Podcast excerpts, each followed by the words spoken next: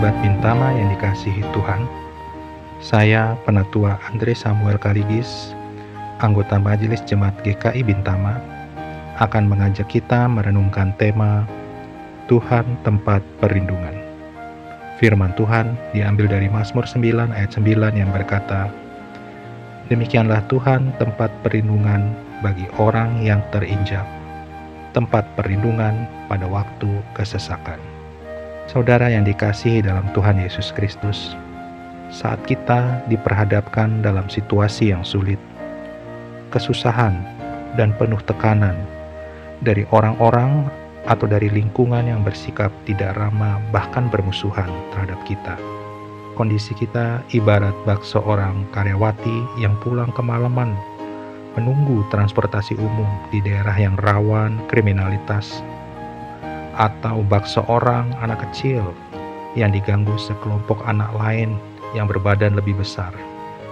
Mereka berharap ada sosok pelindung atau pengawal di dekatnya yang dapat memberi rasa aman dan perasaan terbebas dari situasi yang menghimpitnya. Situasi yang sulit, penuh kesusahan dan tekanan ini dalam bentuk yang berbeda-beda bagi setiap orang pada faktanya sering kita hadapi dalam kehidupan sehari-hari. Jadi, ke manakah kita, manusia yang tidak berdaya ini, boleh berharap perlindungan, atau adakah pribadi yang dapat kita andalkan?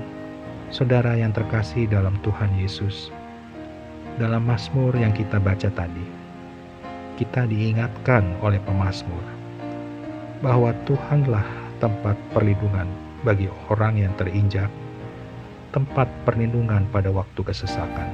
Pada perikop awal Mazmur 9 ini, pemazmur bahkan menunjukkan rasa syukurnya kepada Tuhan. Mazmur sukacita dan sukarianya.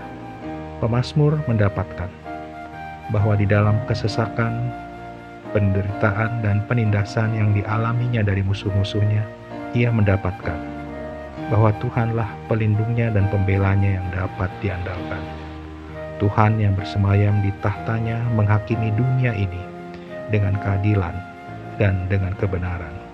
Di tengah situasi yang sulit penuh kesesakan, bahkan penindasan dari orang-orang yang membelenggu kehidupan kita. Apa yang disaksikan pemazmur di sini sebenarnya adalah kabar baik bagi kita bahwa ada pribadi yang dapat kita andalkan menjadi pelindung kita yang memberi kelegaan dan kelepasan. Pribadi itu adalah Tuhan, Raja yang bertahta untuk selamanya dan yang menghakimi dengan keadilan dan kebenaran. Orang yang percaya kepada Tuhan dan mencari Tuhan selalu tidak akan ditinggalkannya. Saudaraku yang terkasih dalam Tuhan Yesus Kristus, ingatlah apa pun situasi yang kita hadapi saat ini. Tuhanlah tempat perlindungan bagi orang yang terinjak, tempat perlindungan pada waktu kesesakan. Demikianlah renungan hari ini. Kiranya Tuhan memberkati seluruh karya kita hari ini.